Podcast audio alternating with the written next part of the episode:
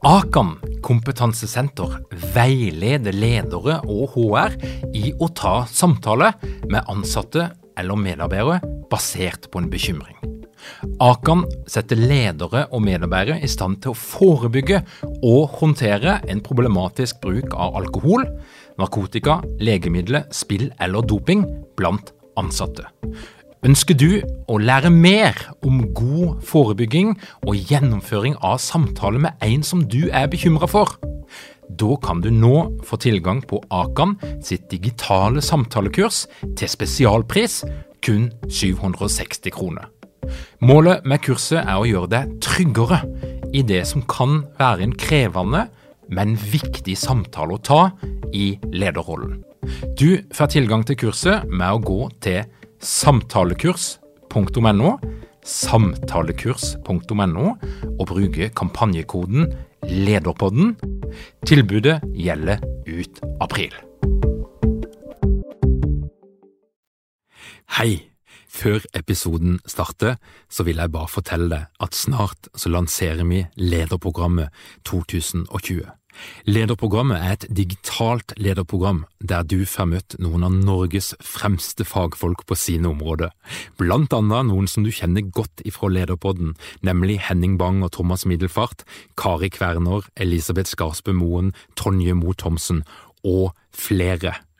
Hvis du ønsker å gjøre en forskjell i din organisasjon, i ditt liv eller i samfunnet som du er en del av, så kan det være at lederprogrammet er noe for deg. Har kun plass til 100 deltakere.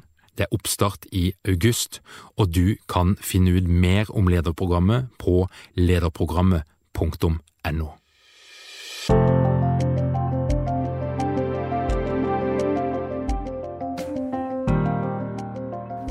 Velkommen til Lederpodden. Dette her er en podkast for deg som er interessert i ledelse, som ønsker å få inspirasjon i ditt eget lederskap. Mitt navn er Tor Åge Eikerapen. Jeg jobber som organisasjonspsykolog, og i denne podkasten så inviterer jeg inn folk som jeg mener har noe vettugt å komme med, og som du kan ha bruk for i din lille lederreise. Velkommen, Hans Ola Otterlei. Takk skal du ha. Hans Olav, du er rett og slett en ekspert på kommunikasjon og ledelse. Du har jobba med det fagområdet hele din karriere, og du er medeier, medgründer i rådgivningsselskapet Synk. Og det er vel òg sånn at når mange av oss ser ledere på skjermen, eller leser om de i DN eller i media, så er det ganske mange av de som du har jobba med og gitt råd, både i fredstid og i krigstid. Er det riktig så langt? Ja, Det er riktig så langt, bortsett fra, bortsett fra at jeg merker at jeg, at jeg, blir litt beskjeden hver gang noen skal gjøre, gjøre oss ekspert. Altså, vi, vi, jobber jo med dette og prøver å gjøre så godt vi kan, men uh, det er såpass mange flinke folk der ute at, uh, at uh, alltid litt sånn beskjeden på dette ekspert, ekspertlabelen.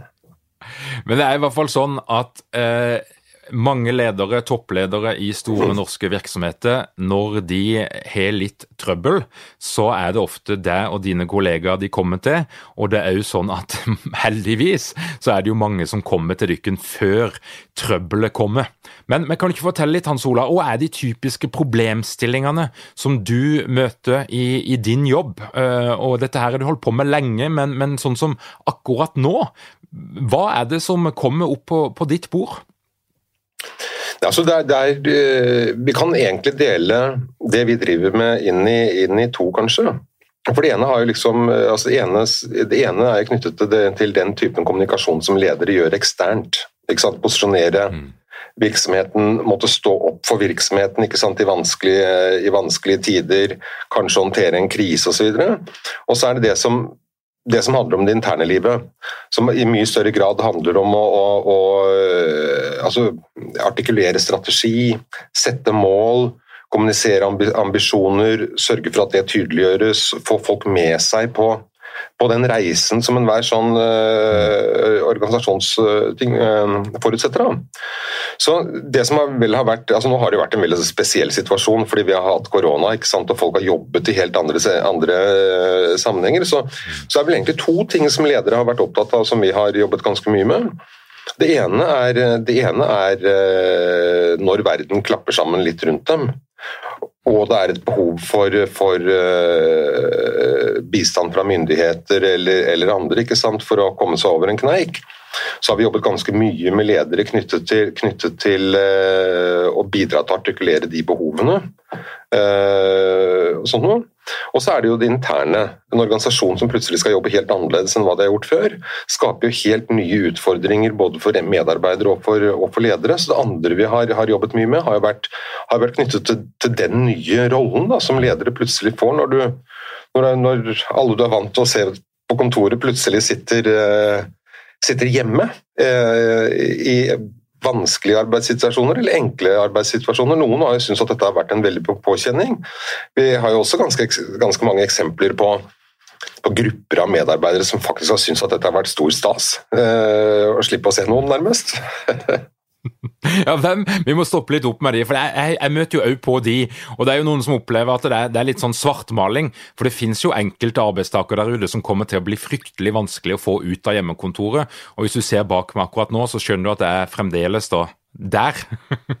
men, men, men hva, er, hva, er, det som kjennetegner de som faktisk eh, helst vil bli eh, Som trives litt i denne situasjonen? Jeg tror, altså, delvis går det på funksjon. Uh, dette, er sånn, dette, er jo ikke noe sånn statistisk signifikant uh, over det jeg sier nå. Dette er, dette er, helt vår opplevelse etter å ha snakket med organisasjoner.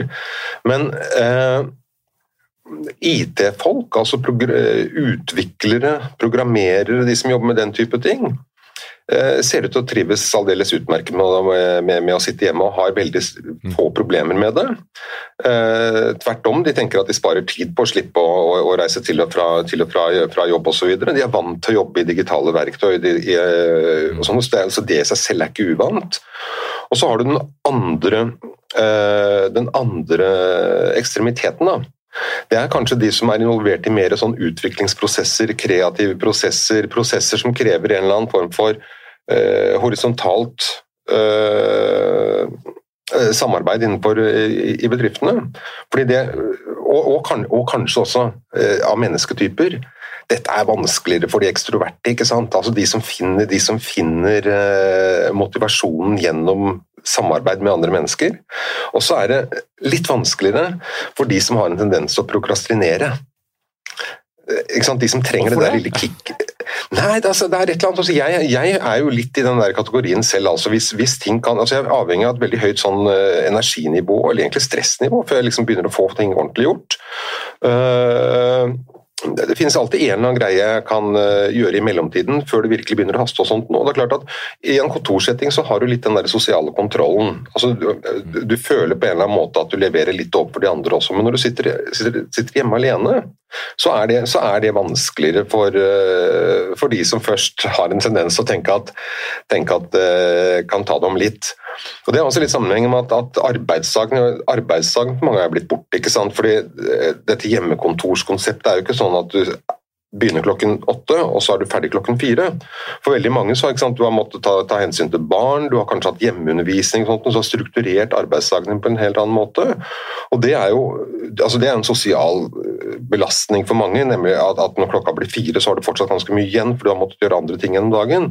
For en prokrastinerer, så betyr jo det at arbeidsdagen plutselig blir endeløs. ikke sant? Så er det alltid mulig å utsette et eller annet. Men da, da, finnes det verktøy for å få de på sporet. altså Jobbe med deadlines, jobbe med veldig tydelige leveranser og sånt noe. Eh, så, så, så, så, en del sånne erfaringer eh, kommer jo ut av den perioden som folk har vært igjennom. Men mitt inntrykk er at de fleste opplever at de har fått det mye eh, veldig bra. Og så vil de fleste si at, at uh, utfordringene i veldig stor grad har vært utviklingsprosjekter, det som krever samarbeid osv. Fordi fokus i den perioden vi har vært igjennom, har vært å levere Kall det innenfor egen avdeling eller innenfor egen silo. Det har vært veldig sånn to do-fokusert. Vi må levere sånn at ikke ting stopper opp. Men, men, det som har stoppet litt opp, sant, er, de, er, det som krever større grad av interaksjon, samarbeid på tvers uh, osv. Hvis vi skal ta oss og zoome litt ut eh, ifra koronakrisa og den perioden som, er, perioden som vi er inne i nå. Ut ifra din bakgrunn, du har jobba internasjonalt i mange år, bl.a. i Børsen Masterlord. Du har holdt deg i, i, London i en periode, og du har kanskje opparbeida deg en evne til å se Norge litt utenifra. Og det er jo en del som påstår at eh, ledelse i Norge, det å kommunisere som leder i Norge, er noe vesentlig annet enn det det er å kommunisere som leder i andre land. Hva er det som kjennetegner Norge, hvis noe som helst, når det kommer til kommunikasjon og ledelse? Flatere organisasjoner, eh, medarbeidere som har eh, altså mindre respekt for tittel og hierarki, eh, tror jeg kanskje er de to, er de to fremste kjennetegnene. Og så tror jeg at skandinavisk eller norsk ledelse gjennomgående er, er verdibasert. Altså det, er basert på et, det er basert på et litt annet menneskesyn, kanskje. Altså ikke, altså nå, er, nå, tror jeg at det er mm. altså I den vestlige verden så er, så du liksom litt over den. Men, men, men dette med menneskeressursen som innsatsfaktor, øh, og kun det, øh, er jo et trekk som kanskje er sterkere andre steder enn i, enn i Norge. Og det, og det, er bra. Altså, du har jo ganske mange eksempler sant, gjennom tidene på, på, amerikanske selskaper som, for eksempel, som har lagt utviklingsavdelingene sine til Norge, nettopp, nettopp fordi du har det at medarbeidere tør å si fra. I det så ligger en veldig kvalitetskontroll på å plukke feil tidlig, på å sørge for at folk jobber mot et mål. Uh, så, så, så, min opplevelse er at det er, det er eh, mindre hierarkisk. Uh, folk tenker i mye større grad selv nok litt mindre respekt for ledere som, som funksjon, men det betyr, det betyr jo at, at, eh, at, du som leder så må du, så må du lede mye mer gjennom å sette retning og få folk med deg, mer enn at du kan bestemme hva folk skal gjøre. Og, og, og tenke at det er en nyttig, nyttig måte å tilnærme seg det på.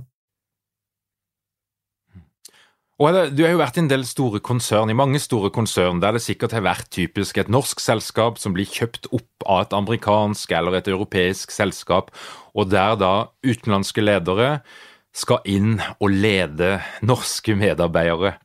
Og da vet jeg jo at eh, Synk er jo typisk et selskap som kan eh, av og til hjelpe de utenlandske lederne litt på veien. Hva, hva, hva er det dere må hjelpe de med?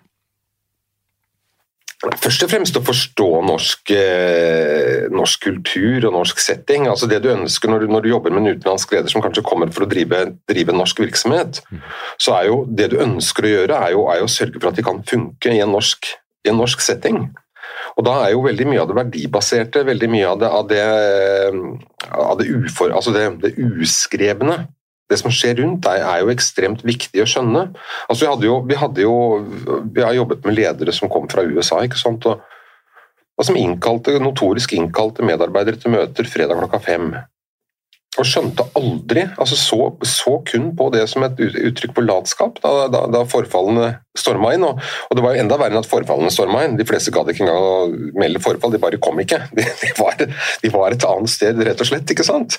Og Bare, bare sånne småting å lære at, at, det er ikke et uttrykk for latskap. altså nord, Nordmenn står på. altså De er, de er eh, høyproduktive i løpet av dagen.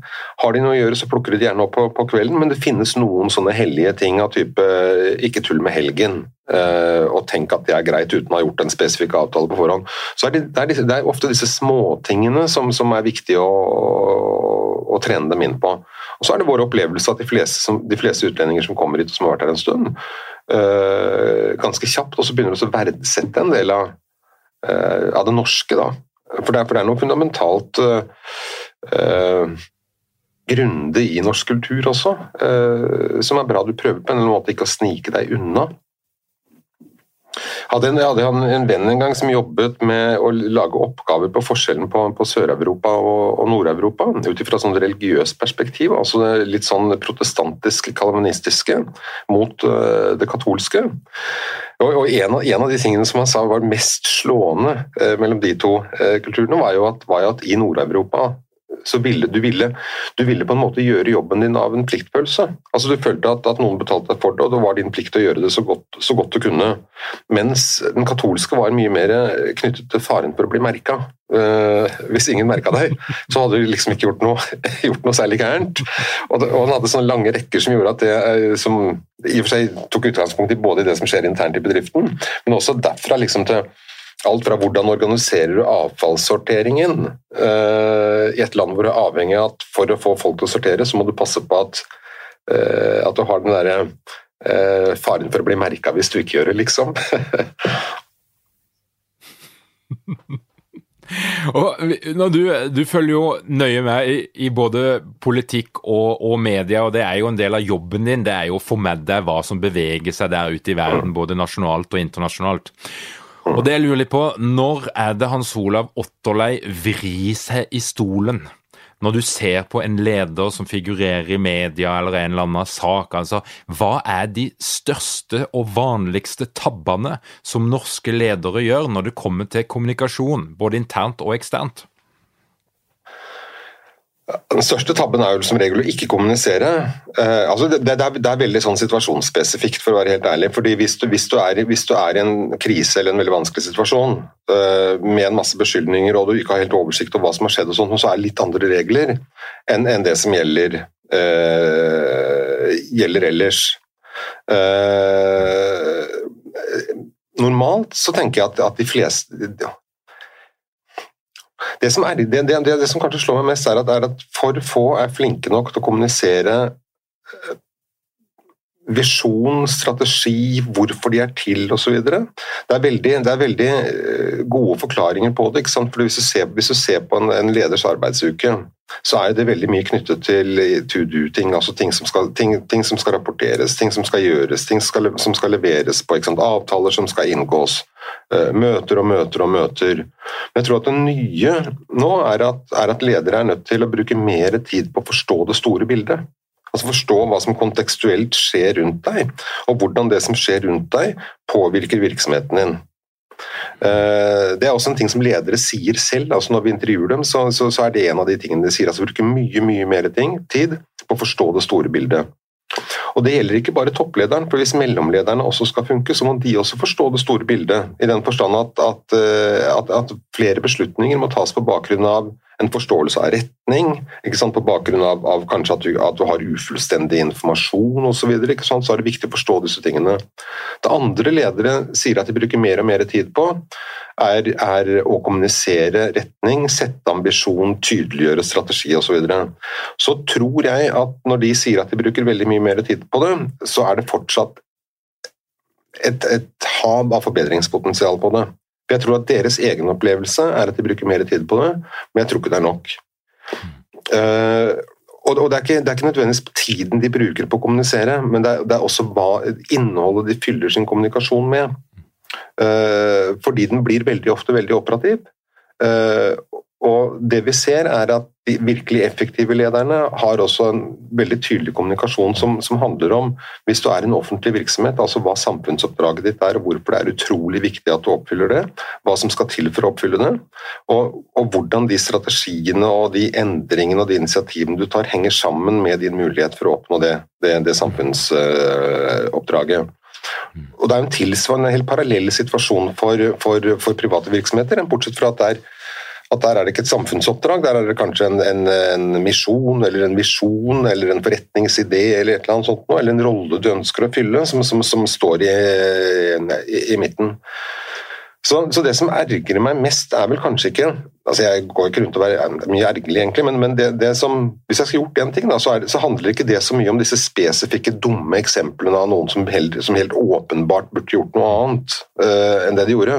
Det handler mer om at jeg skulle ønske at ledere generelt var flinkere til å kommunisere eh, på et høyere nivå, og at det forplantet seg videre nedover i organisasjonen. Fordi, fordi, det, er, det, er, fordi det, er, så utrolig viktig eh, for folk altså på, på, alle nivåer å skjønne hvorfor skjer det som skjer eh, i en virksomhet. Altså, vi har hatt eh, Ta, ta, ta, et eksempel. Øh, jobbet med en virksomhet som, som, plutselig fikk et enormt ras på telefonen. ikke sant? Som måtte begynne å reallokere allokere ressurser. Så får du liksom beskjed om at vi trenger, vi trenger flere ressurser til å bemanne telefonene. Hva er grunnen til det? Jo, det kan, det kan, være grunnen du må gjøre det fordi mange ringer, eller noe, men det er jo ikke noe særlig motiverende. Du kan gjøre det fordi sjefen har sagt det, som er enda mindre motiverende. Eller du kan gjøre det fordi du forstår at, det, at det å bemanne den telefonen på en måte som gjør at du kan levere en brukeropplevelse, er helt sentralt for den langsiktige tilliten til virksomheten, som igjen er helt sentralt for din mulighet til å få, en, få den friheten du vil ikke sant, og utøve virksomheten din som du, som du ønsker. Så er det alltid den typen sammenhenger. Og den typen sammenhenger skulle jeg ønske at folk var, var øvde mer på å kommunisere og var tydeligere på. Mm. Det, det, jeg lurer litt på, hva, hva, er det som gjør det, da? At uh, de her lederne ikke klarer å kommunisere ut tydelig nok. For det jeg erfarer, det er jo at ofte så blir jo strategi, misjon, dette her store 'hvorfor fins virksomheten', 'why', det, det har en tendens til å bli noen powerpoints som er litt vanskelig å få øye på i det daglige. Hvor er det det glipper? Eh, tid, først og fremst. Jeg tror hvis du, ser, hvis, du en, hvis du, ser, en, lederagenda i løpet av en uke eller en måned, eller noe sånt, så er den så tett med andre ting som skal leveres på.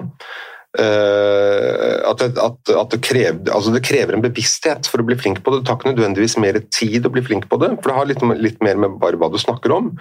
Men, men, men, men opplevelsen er at, er at uh, fokus er så operasjonelt fordi det er så mye som skal leveres på, at du finner liksom ikke helt anledningene til å, å snakke om det. Det er det ene. Det andre er at jeg tror at veldig få er, er godt trenet til det. Det, er ikke, noe, i managementtrening som sier at du skal bli ekstremt flink til å snakke om det store bildet, eller, eller relatere det du gjør til noe, som er, noe som er over. Det er ikke sånn at ikke sånn, de, de, fleste lederutviklingsprogrammer forteller ikke en mellomleder at det er viktig at du faktisk bruker tid på å skjønne, skjønne hva som skjer i omgivelsene rundt deg. Uh, fordi det, liksom, det, er liksom på jobben over, da. Så, så, veldig mye av det handler, handler, om for alle nivåer å forsøke å uh, forsøke å tenke på altså, hva må til for at jeg skal gjøre jobben på nivå over. Hele, hele, veien. For det er det man egentlig skal forklare. Det, altså, den gamle lederrollen var jo, var jo, når du hadde et staff-meeting, eller noe sånt, så var, jo, så var, det jo det å svare på spørsmål. Altså, du hadde informasjon, du fortalte om en eller annen greie, du fikk spørsmål, og du svarte i større og større grad så handler, så, så, så handler, dette om altså Viktigheten nå er å involvere folk sånn at de selv kan forsøke å finne svar, selv kan prosessere. Det har også sammenheng med at, at flere og flere av disse tingene som du skal fortelle teamene eller avdelingen eller divisjonen om, er, finnes ikke noe svar på, du må finne svarene selv. Og det er en helt annen måte å kommunisere på. Du trenger en helt annen form for trygghet som leder, og, det eneste du egentlig kan ha med deg inn i en sånn en, er, er, men hva er det egentlig denne virksomheten forsøker å få til? Det er det, det er det, du må forstå, det er det du må hekte det på. Og da finnes det tusenvis av anledninger å snakke om det, men jeg tror det har delvis med trening å gjøre. Eh, noen tror kanskje ikke at det er veldig viktig, altså det har noe med forståelsen for det å gjøre, men det har også veldig mye med, med, med, med tidspresset å gjøre. Og så er det, så er det noe at den typen kommunikasjon er det viktig at ledere at, at, du bruker tid nok på det til å kunne klare å gjøre det til ditt eget. Altså at ikke, ikke, det, ikke, det, Hvis jeg sitter som en divisjonsdirektør eller avdelingsleder et eller annet sted og skal begynne og skal snakke liksom om hva denne virksomheten egentlig på, øh, handler om, hva det strategiene egentlig er, hva det egentlig vi forsøker å få til, så, så må ikke den historien bli en sånn replika av noen andres historier. Altså Det er ikke sånn at jeg kan pugge en powerpoint, og så vet jeg det. Jeg må gjøre det litt til mitt eget. Jeg er nødt til å finne eksempler og fakta og sånt som kan bevise historiene ut fra en litt sånn personlig eh, måte. Og så jeg må kanskje fortelle, begynne å tenke litt gjennom hvorfor, hvorfor, er det, hvorfor, er denne strategien viktig for akkurat meg. Altså Hvorfor kan akkurat jeg med min bakgrunn tro på dette, og hva er eksemplene på at jeg tenker at dette er riktig for vårt team? Og Hva er eksemplene på ting vi er nødt til å vurdere å gjøre og jobbe med for å bli en nyttig bidragsyter til at vi skal få til disse tingene? Uh, det handler veldig mye om det, så, flere og flere blir jo flinke, flinke, på det. Men det er liksom bare litt annet, annet paradigme enn det som ofte Har ikke mange ledere uten trening eller utdannelse innen ledelse? Mangler dere en felles kultur og praksis for ledelse? Ønsker dere å være bedre rustet for fremtidig vekst og endring? Da kan et internt lederutviklingsprogram være en god investering. I Execu så er vi eksperter på å designe og gjennomføre bedriftsinterne lederutviklingsprogram. Hvis du ønsker å lære mer om hvordan vi kan hjelpe dykken til å få enda bedre ledere, ta og klikk deg inn på execu.no.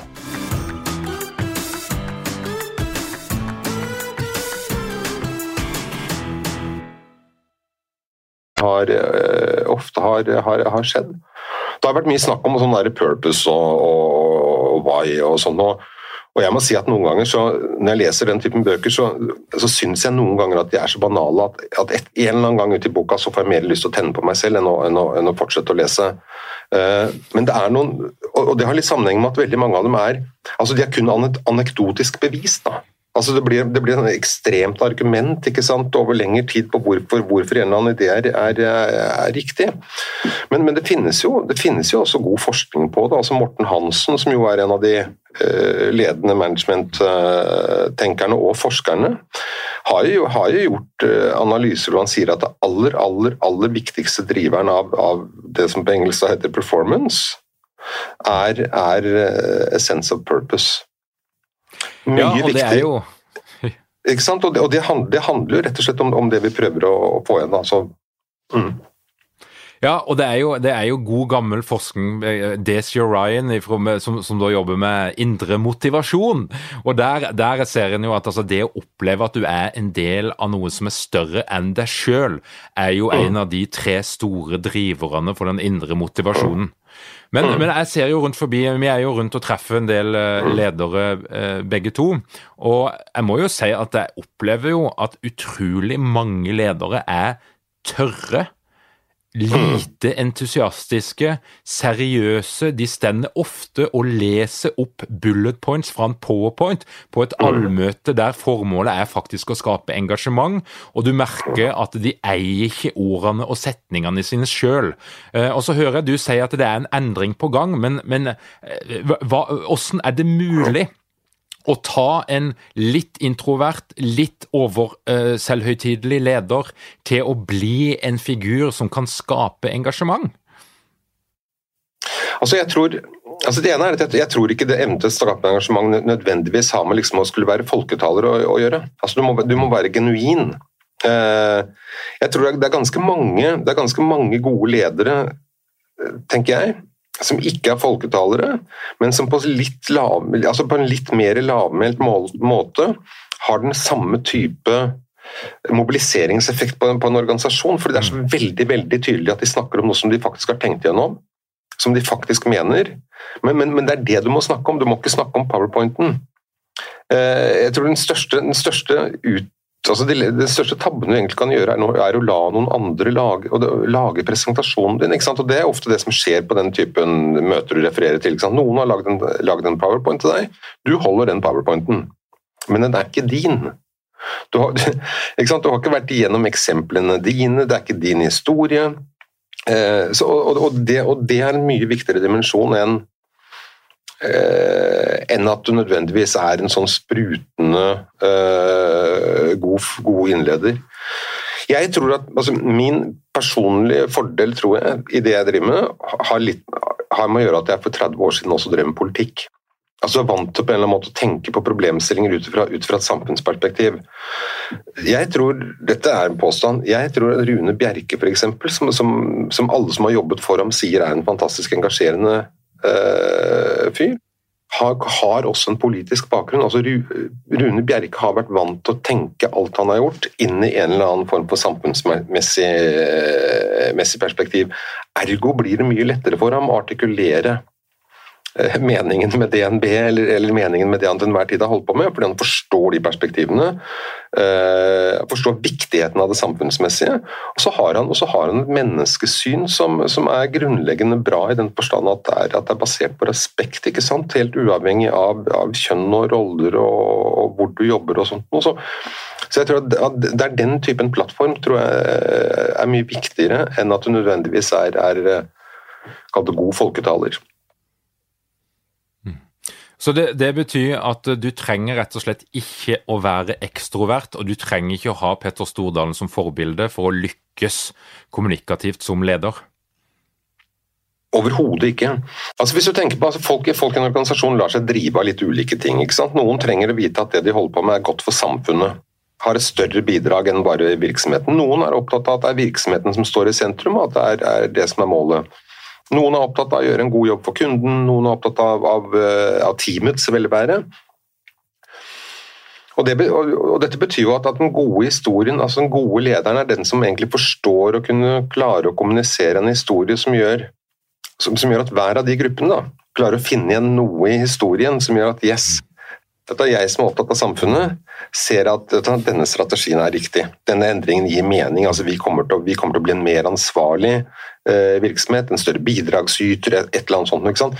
Det, det, er, det, det er, er det viktigste. Altså, jeg tror, altså, sånn, jeg tror, for å være helt ærlig, sånn, altså, Stordalen-show og sånt noe, det går hjem hos noen, øh, går langt fra hjemme hos alle. Uh, og jeg tror ikke det er det som er altså du, det er, poenget, poenget, er at, men, at ledere er ulike mennesketyper. Og jobben vår må jo være å gjøre de ulike typene så gode som mulig til å dekke de funksjonene de skal dekke, og, det, og, det, og noe av det er liksom å kommunisere disse, disse tingene. Men vi kan ikke endre eh, naturen. Altså vi, den, hvis vi forsøker å gjøre noe til noe det ikke er, så går det nesten alltid gærent, fordi folk skjønner hva som er genuint, og de skjønner hva som ikke er genuint. Fordi det, er, det, å være leder er jo ikke, er jo ikke, er jo ikke eh, knyttet til en mennesketype. Det er ikke noe som skulle tilsi at en god leder er ekstrovert. Altså, det finnes en million eksempler på introverte, kjempegode ledere som får til en masse, og som, masse, som, har, som nyter stor respekt uh, i bedriften. Som er flinke til å snakke om disse store tingene som formål og strategi og gi mening. Så, så så rådet må jo være å, å se hvilken, hvilken, mennesketype er det en leder er, og så må vi gjøre god, han eller henne god ut ifra det som er de naturlige forutsetningene. Ikke forsøke å tenke at alle må bli folketalere, eller det er viktig å gjøre folk så ekstroverte som mulig. for det, for det, det, funker, det funker, rett og slett ikke. altså Du mister genuiniteten hvis du skal forsøke å late som du er en annen enn en, en, en hvem du er, og, og er, det er kanskje det verste du kan gjøre mot en leder. Og Det tenker jeg er jo en sånn nøkkelpoeng eh, å ta med seg, altså autentisiteten. At det å fremstå som troverdig og autentisk vinner foran alt annet. Du, ta, og det er jo Ta Erna Solberg. Erna Solberg har rett, altså har rett og slett aldri vært noen stor folketaler. Men Erna Solberg har hatt en eller annen form for troverdighet som menneske og som politiker. Og, og, og, og, det går på den autentisiteten som, uh, som, du snakker om. Det samme, altså hvis, du, hvis, du, går tilbake til det jeg holdt på med dette, for de som er riktig, riktig, riktig gamle Erling Norvik var jo en folketaler av Guds nåde. Kåre Willoch ikke på det tidspunktet Kåre Willoch er blitt populær etter hvert som han har blitt eldre, og ganske særlig etter at han gikk, av som statsminister. Uh, mye knyttet til at han plutselig mener ting som han før ikke mente. Uh, men, men, men, men, han var jo en sterk og tydelig leder. Han var flink til å kommunisere hva dette handlet om, men Kåre Willoch på en talerstol har aldri vært, uh, vært spesielt sprudlende. Og, jeg tror, jeg tror, sånn vil du finne Du vil finne ledertype etter ledertype etter ledertype innenfor politikk, idrett, eh, virksomheter, offentlig sektor og sånt noe, som er superflinke til å samle folk omkring en stor idé, uten å være eh, folketalere, rett og slett. Og så er det jo sånn at eh, Når vi snakker om strategi, visjon, misjon, så er det jo en sånn fin skillelinje mellom det som ofte defineres som corporate bullshit, mm. og noe som faktisk betyr noe. Og det er, det er, jo allerede der i utforming av strategi, altså når det er inne hos en del internasjonale selskap, eller det er oljebransjen, mm. så, så, er det jo noen ProPoint-dekk av en annen verden som er nesten umulig å ha et ekte forhold til, for det er så stort, det er så omfattende, det er så um, dyptgående. Men nå, hva, hva, hva, tenker du, hva er det organisasjoner, spesielt denne, de her litt store corporate organisasjonene, og kan de gjøre for å, for å roe ned, uh, eller gjøre gjør seg sjøl egentlig litt mer tilgjengelig, når vi snakker om den strategiske kommunikasjonen og hvordan det blir kommunisert ut? Jeg bare, jeg bare, tenker, Når du stiller et spørsmål, så tenker jeg eh, på én ting. fordi veldig mange, mange, særlig amerikanske organisasjoner, de har jo gått igjennom en sånn øvelse i å bli politisk korrekt. Så du kan kjenne igjen en amerikansk organisasjons powerpoints på at det alltid er en asiat, alltid en farget, du har med alle minoriteter på alle, på alle slider. Eh, og, og, det er jo ikke det, altså, I Norge er, er, det helt greit, men det funker ikke på oss. fordi det ser ut som, det ser, det ser ut som om det er politisk eh. Planta på slide. Men, men, det er helt nødvendig andre steder, ikke sant? for folk er mye mer sårbare for det. Vi er, tar mye mer for gitt at, at, eh, at eh, det finnes en uh, likestillingstenkning. Men, tror, men, tilbake til spørsmålet ditt. Jeg tror det viktigste, viktigste ordet for en leder når man skal kommunisere, er ordet 'egentlig'. Altså, hva handler dette egentlig om? Bak, bak eh, bulletpunktene, bak powerpointene, bak de fine strategiordene, hva er det dette egentlig handler om? Og jeg tror at hvis, hvis man blir flinkere til å stille dette egentlige spørsmålet, så, så, så, så, kommer du nærmere det som egentlig er den kjernen som du er nødt til å, øh, nødt til å kommunisere rundt, eller bruke som utgangspunkt for, for kommunikasjon. Og, og, I de fleste tilfeller, hvis du virkelig forstår det, så kan du legge fra deg, legge fra deg, deg foilene. Altså, en av de tingene som, som, slår oss litt, er at veldig, hvis, du jobber, hvis du jobber med, med, den typen historieutvikling for virksomheter, så er historie, altså det er en historie som virksomheten må skape selv, men på et eller annet tidspunkt så kommer noen og sier at vi trenger en eller annen form for slagord.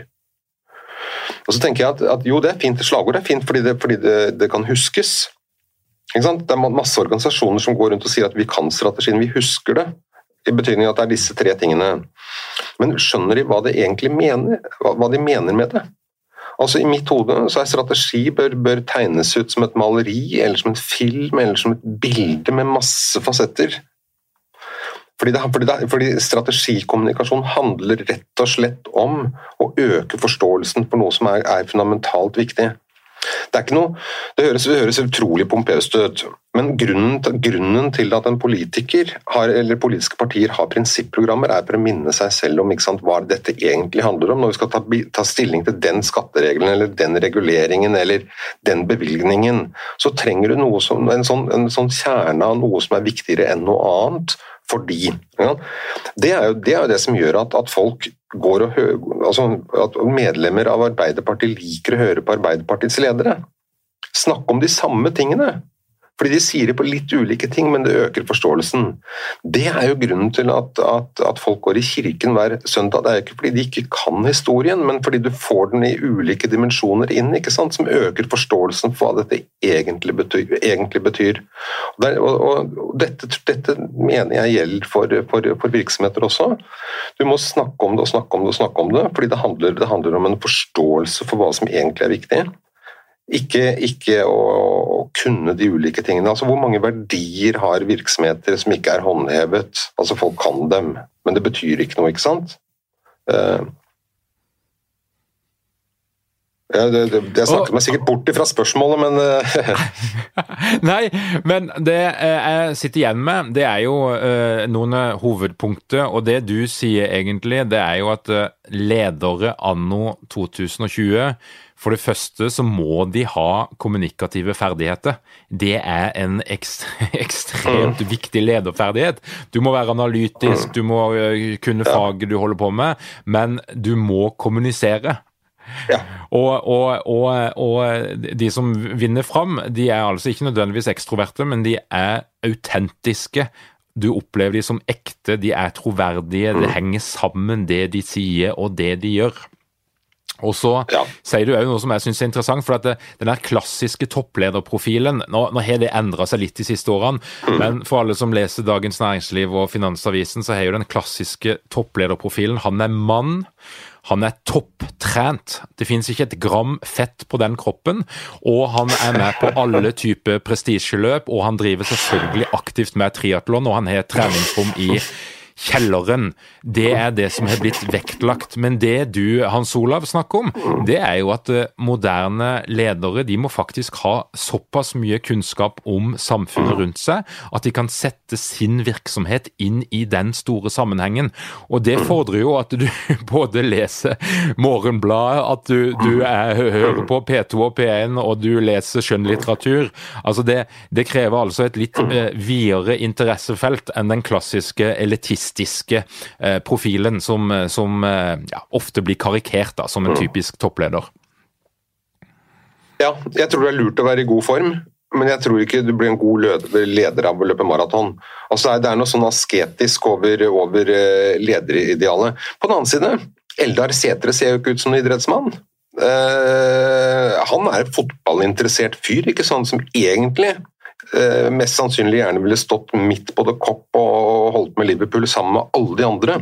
Uten at noen visste han var, var konsernsjef. Så du, du, har, du, har, den typen uh, ledere òg. Og jeg tror det, det har en enorm verdi. Lese bøker, følge med på politikk, snakke med interessentene. Ikke bare for å snakke til dem, men snakke med dem om hva er det som egentlig betyr noe.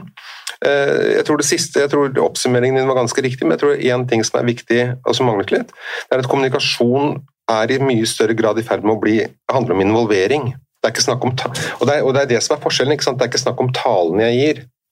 Det er snakk om måten jeg klarer å involvere medarbeidere på i gode samtaler omkring det som betyr noe. Uh, så, så, så, så, hva som er god kommunikasjon, endrer seg også, ikke sant. Uh, og eh, Hans Olav, du skal være med som en av våre eh, eksperter på lederprogrammet 2020 som starter i august, der påmeldinga nå er åpna. Og der vil mange bli bedre kjent med både deg og, og din erfaring og kunnskap som du skal dele. Men, men til de lederne som ser på eller hører på akkurat nå, og som nok kjenner på at de har litt å jobbe med når det kommer til kommunikasjon. De føler kanskje at de får ikke helt til. Har du noen sånn konkrete, praktiske råd til hvordan de kan gjøre et lite løft på sin egen lederkommunikasjon?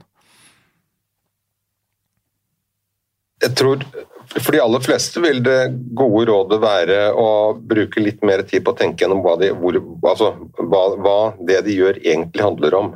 Hvorfor det er viktig, i lys av, av hva man overordnet forsøker å få til. Det er en, det er en mentaløvelse. Så tror jeg punkt to eh, Sett av mer tid til å snakke om den typen ting. Altså Ikke tenk på deg selv som en leder som må ha svarene, men tenk på deg selv som en leder som skal, som skal in, altså involvere folk i gode samtaler om, omkring det som skjer i virksomheten. Det det, så, og det har rett og slett med å sette av, sette av tid å gjøre. Og så tror jeg at de to og resten blir på en måte litt sånn teknikk, da. Eh, så jeg, så jeg, tror, så jeg tror, det veldig mye handler om, om, eh, om ja, egentlig, egentlig, hvordan man definerer sin egen rolle. Altså Gå runden og tenke på sant, hva er mitt kommunikasjonsansvar? Hvorfor er det, hvorfor, hvorfor er det viktig at, at, mine ansatte, mine medarbeidere, øh, føler at jeg er med på en litt større reise, og hva kan jeg gjøre for å bidra til det? Altså jeg tror det, sta, det starter egentlig med den mentale bevisstheten øh, om dette. Og det, og det, er viktig altså du kan jobbe på en annen måte hvis folk blir altså Det tvinger seg frem. altså Flere og flere organisasjoner jobber med, med, med, med tverrfaglige team, agile team, ikke sant? ting som ikke faller inn under noen. noen. Jeg har enda ikke truffet en virksomhet som ikke syns det er viktig å prøve å, å bygge ned siloene. Ja? Men hvis du skal bygge ned siloen og jobbe mer på tvers, fordi verdien leveres ikke sant, i det tverrgående i stadig, i, i, i stadig flere virksomheter, ja, så må du jo enten ha altså hvordan, hvordan, klarer du å lage regler for hvordan det skal funke? Altså Realiteten er at veldig mange av de beslutningene som da må tas, av ledere og av medarbeidere, er knyttet til at du har en grunnleggende forståelse for hva den riktige beslutningen er. Mm. Ikke sant? Eh, det er mye vanskeligere å lage, lage, lage, regler for det, og det betyr jo at du må bruke mye mer tid på nettopp på kommunikasjonen omkring hva er, det, hva det vi prøver å få til. Altså Hva, hva er riktig hva, øh, å, å, gjøre, hvilken atferd er det vi prøver å stimulere til?